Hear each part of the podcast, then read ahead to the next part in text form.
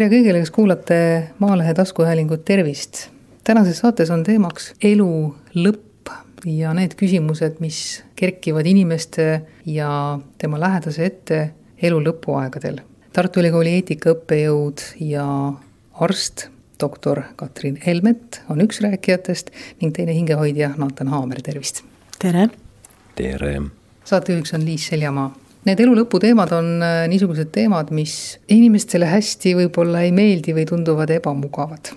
kas need on pigem meditsiinilised küsimused või siis on nad pigem sellised igavikulised filosoofilised asjad?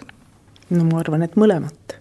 meditsiinis me puutume surelikkusega iga päev kokku ja me püüame ka väljakutseid esitada äh, surelikkusele paraku no väga paljudel juhtudel ebaõnnestunud, aga ühiskond ootab meilt võib-olla natuke rohkem. noh, surmateemast, kas see on ühiskonnas vastuvõetav praegu, kas inimesed sellega nii-öelda koopereeruvad, no see on väga keeruline pikk teema, võib-olla Naatan oskab sellel paremini rääkida. ja ma olen nõus, et äh, kindlasti ei ole see pelgalt meditsiiniline küsimus kui me räägime inimesest ja vaatame teda sellise tervikliku vaate aspektist, siis kõik see, mis äh, inimelu puudutab, kõik need erinevad tasandid lisaks füüsilisele, on surma ja elu lõpu teema juures kindlasti kohal. kui me muidu võime eirata sellist eksistentsiaalsemat või filosoofilisemat mõõdet, siis äh, elu kokkuvõttes, ma arvan, seda enam ei ole võimalik teha no võib-olla siis kõige suurem vahe on see, et sellises äh, igavikulises mõistes me peaksime ehk küsimusega natukene varem tegelema, kui see elu lõpp on kätte jõudnud. et meditsiinilised põhjused tõenäoliselt äh, ei tule noorel tervel inimesel noh, nagu niisama lihtsalt pähe.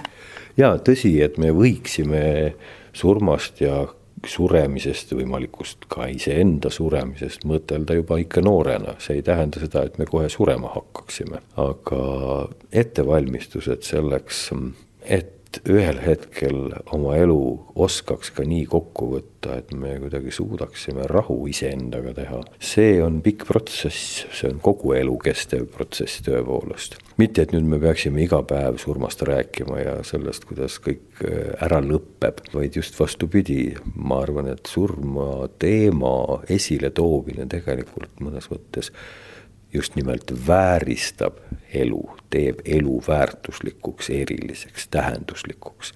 sellele mõtlemine teeb midagi selle meie eluga, et see ei ole lihtsalt hommikust õhtuni nii-öelda läbikulgemiseks või loksumiseks, vaid et küsimus on sellest, mida me sellesse ellu paneme ja kuidas me seda sisustame ja kuidas me seda mõtestame või siiski peaks ka meditsiinilises mõttes nooremad inimesed äh, mõtlema selle peale, et äh, kuidas nende elu lõpp kujuneb tegelikult see võimalus on, aga ma kindlasti praegu ei kutsu kõiki inimesi kampaania korras üles mõtlema oma elu lõpule, kelle jaoks sellised eksistentsiaalsed probleemid või, või küsimused on tähtsad, need inimesed lihtsalt niikuinii on meie seas. mina kusjuures nende seas, aga noh, minul on muidugi ilmselt ametist tulenevad ja elukogemusest selle läbi, elukogemusest tulenevad põhjused, miks ma väga teravalt tajun enda surelikkust tõepoolest, nii nagu Naatan juba tegelikult ilusti ütles, et mõni inimene elab nii, nagu ta ei tajukski enda surelikkust, nagu elu kestaks igavesti. aga kui nii mõelda, siis meditsiin on tegelikult seda elu lõppu aidanud järjest kaugemale lükata. tänu sellele, et meditsiin on arenenud niisuguses suunas ja nii-öelda nii kaugele, nagu ta praegu on, eh, inimesed elavadki kauem ja saavadki kauem siis kas tunda elust rõõmu või siis kahjuks vastupidi, mitte tunda no meditsiinivõitude kontekstis me võiksime osasid võite tinglikeks pidada. et kui me keskendume ainult elule kui sellisele, siis tõepoolest äh, me võime surmale kõrgtehnoloogilise meditsiiniga küllalt kaua vingerpussi mängida ja surma petta nii-öelda aga nüüd, kui me läheme üle sellele, mida tegelikult inimesed äh, reeglina peavad äh, primaarseks, on selle elu juurde kuuluv kvaliteet, et see, kas see elu, mida inimene elab, kas see tegelikult rahuldab teda ja kas ta tunneb, et see elu on tema jaoks nagu väärikas, siis me peame tõdema, et meditsiin on võimeline tegema ka päris palju halba, ehk siis äh, lükates edasi surma, toome me ohvriks elukvaliteedi ja tegelikult pahatihti teeme inimestega seda, või saavutame selliseid tulemusi, mis inimesi üldse ei rahuldaks, mida nad ei soovigi.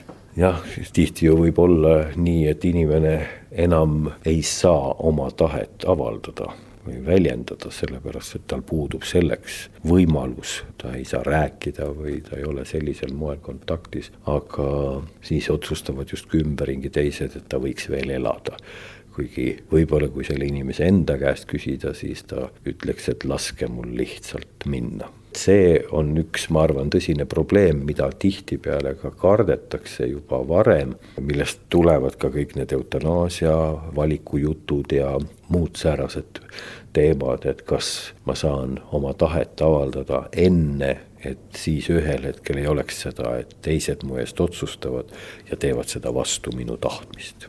aga kas selline tahteavaldus on võimalik, et inimene teeb selle ära ja siis arstid saavad vastavalt nendele juhistele siis äh, käituda? no kui päris täpne olla, siis sellise tahteavalduse tegemise võimalus on inimestel alati olnud ja aastast kaks tuhat kaks, kui hakkas kehtima võlaõigusseadus, on selle tahteavalduse järgi toimimine arstidele isegi seaduslikult kohustuslik. iseasi on see, et seadus ei ole kirjutatud, mis vormis inimene oma tahteavaldust peab tegema, tahteavalduse võivad arstidele edasi anda äh, lähedased, aga äh, mis nagu kõige parem oleks ja millega tegelikult praegu ka tegeletakse, luua süsteem, kus inimesed saavad läbimõeldud tahteavalduse teha, see salvestatakse digilukku ja see on arstidele õigel ajal kättesaadav ja see kuulub ka tegelikult järgimisele. süsteem on loomisel praegu, aga noh, eks arusaadavalt on hetkel päris palju takistusi meie teel,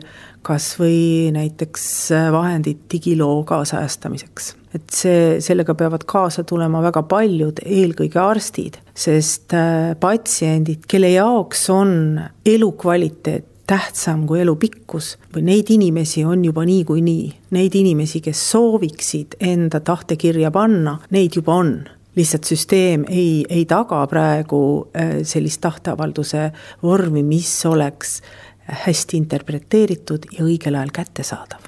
kuidas on praegu üldse äh, siis see otsus kuidas otsustatakse, millal otsustatakse, kes otsustab näiteks selle, kui tegemist on raskelt haige inimesega, kes tõesti iseseisvalt enam ei saaks elada, et teda nii-öelda nagu toetav süsteem lõpetatakse kui täpne olla, siis toetavat süsteemi ei tohiks me kunagi lõpetada.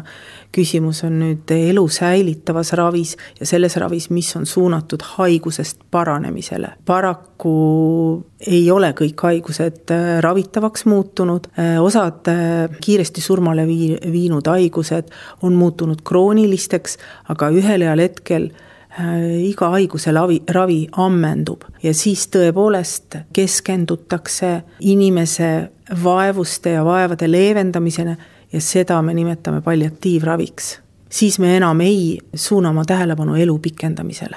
ehk see fookus jah, muutub, kui enne on elu nii-öelda hoidmine või elu alal hoidmine fookuses ja tervendav ravi või tervistav ravi, siis palliatiivravis on pigem fookus elu austamisel sellisena, nagu ta hetkel on ja seal võib ka mingist ravist täiesti vabalt ka loobuda inimene ilmselt peab ennast selleks ikka natukene ette valmistama, kui ta iseenda kohta selle otsuse teeb. kui teha see otsus kellegi teise kohta, siis ka muidugi peab ette valmistama, ehk siis lühidalt öeldes vist peab leppima selle asjaga, et need asjad on nagu nii või on seal mingid vaheetapid veel?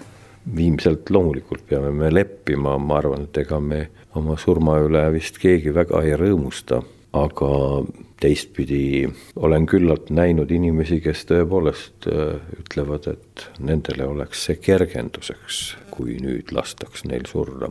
see tähendab seda, et nad on aktsepteerinud seda paratamatust, kuhu nad on jõudnud ja see eeldab ka, et tema ümber olevad inimesed, meedikud kui ka tema pereliikmed seda aktsepteeriksid. see ei ole tihti just nimelt selle tõttu lihtne, see elust minek, sest et ei lasta, kuna keegi soovib, et see elu veel jätkuks ja soovib selle pikendamist erinevate igasuguste võimalike meditsiiniliste vahenditega, mis sageli enam elu ei austa, vaid tahavad tervist tuua, mida enam nagunii ei saa ma tõepoolest äh, siinkohal peaksin äh, sellel samal teemal lisama, et tundub, et äh, kui me räägime näiteks eakate inimestega nende suremisest, siis me näeme palju leppimist ja isegi surma ootamist, eakad inimesed ootavad surma, aga kui nüüd liikuda selle eaka inimese lähedaste juurde, siis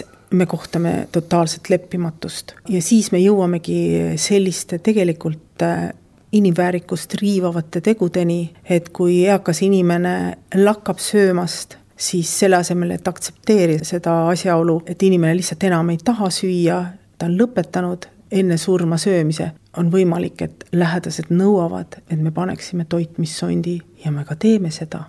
ja ilmselt põhjus ongi see, et meie ühiskond, ühiskonnaliikmed, meie inimesed ei näe suremist, nad ei kujutagi ette, ette, kuidas see protsess välja näeb. Ja sellega ei suudeta leppida, sest ei teata, mida tähendab suremine. Noh, võib-olla sadakond aastat tagasi või kui inimesed ei surnud haiglas, surid nad kodus ja siis oli see tegevus nii-öelda ka nagu näha kõikidele pereliikmetele, alates siis väikestest lastest kuni vanemateni, aga teine asi on ka see, et lihtsalt see surm on lükatud kaugemale ja eemale. jääbki mulje, nagu elataks igavesti või siis vähemalt äh, nii, et surm ei tule homme tegelikult ka enne surma viiakse inimesi haiglasse, ka need inimesed, kes võiksid kodus surra ja ilmselt noh, üks põhjus on see, et lähedased loodavad, et äkki saab surma ikkagi veel edasi lükata, aga teine põhjus on see, et kuna inimesed pole harjunud suremist nägema, siis nad ei talu selle nägemist, nad ei talu seal juures olemist ja selle vaatamist, sest ega suremises, agoonias ei ole ju midagi lausa ilusat ja meeli ülendavat aga me võiksime jõuda jälle sinna tagasi, et me suudame vaadata suremisele otsa.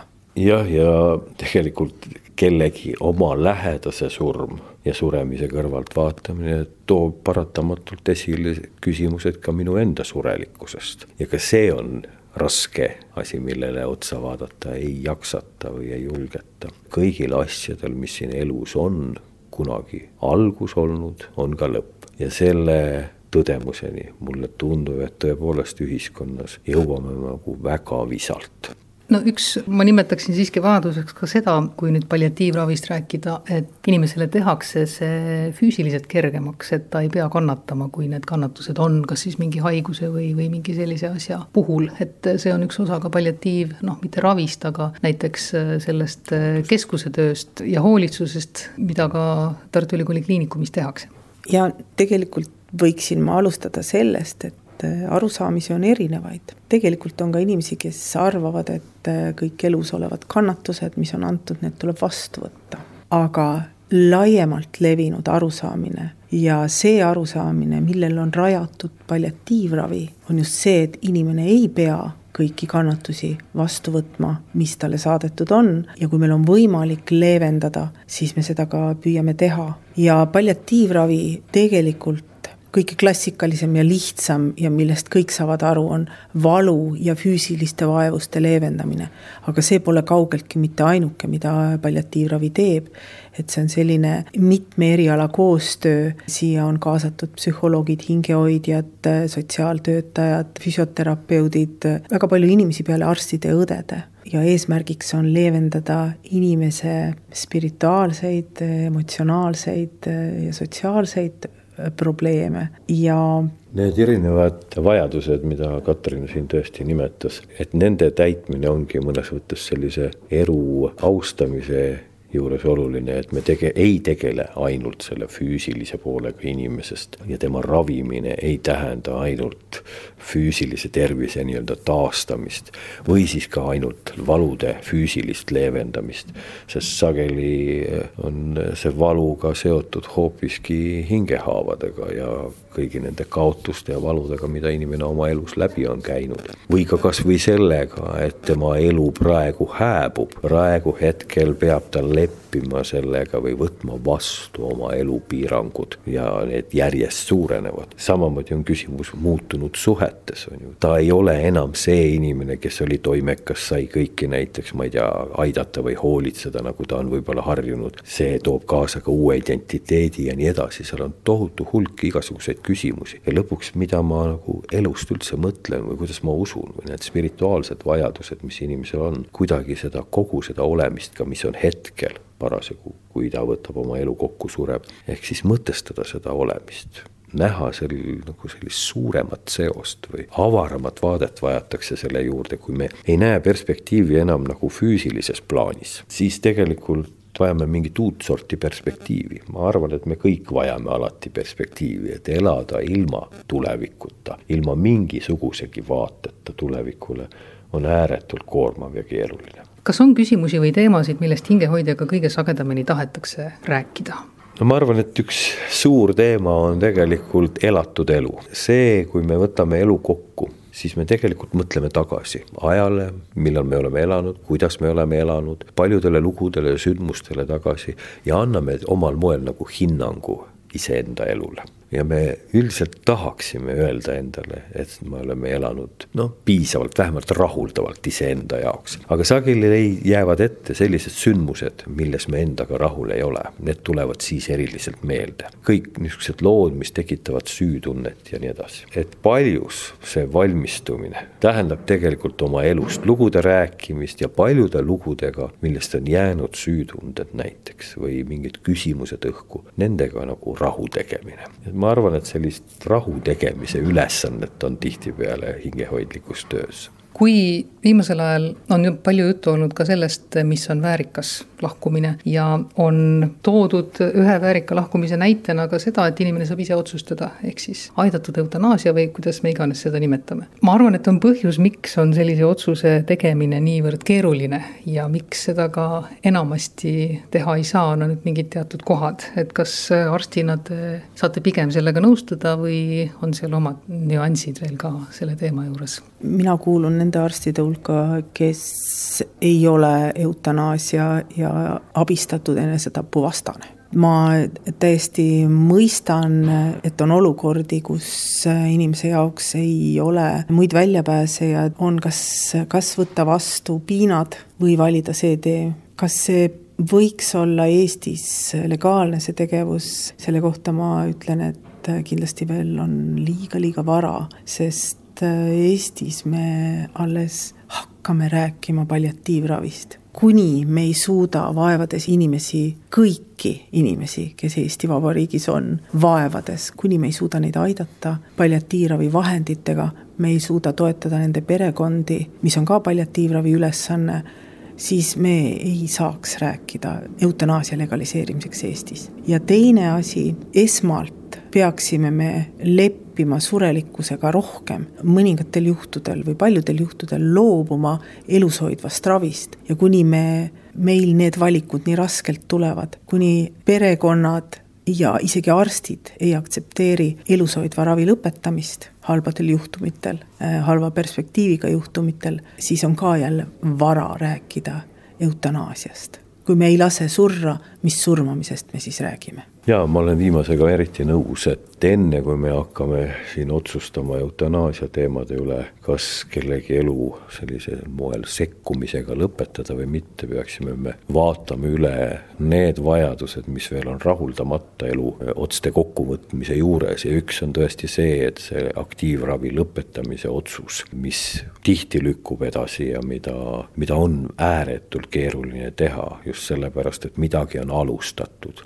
Kui kutsutakse juba tegelikult surevale inimesele kiirabi, siis kiirabi peab elustama või tegema midagi, et selle inimelu päästa ja siis jääb järgmine samm juba teha juba haiglas, kus peaks sellega justkui jätkama, kui sellega on korra alustatud. et see hakkab pihta juba sellistest kohtadest näiteks. teine asi on üldse küsimus sellest, miks inimesed eutanaasia teema juurde jõuavad ja selle taga on sageli mitmed hirmud hirm selle ees, et kui mina ühel hetkel äkki ei saa otsustada, siis mismoodi otsustatakse minu eest ja võidakse otsustada minu vaevade pikendamise kasuks. või kui ma ei saa ise teiste juurde enam minna, siis minu juurde enam ei tulda. ehk ma jään üksi ja selles üksilduses on raske olla hingeliselt. et alati ei ole need põhjused ka üldse füüsilised, võib-olla ka hoopis näiteks suhete tasandil või ka mõningatel puhkudel tuleb ikkagi arvestada,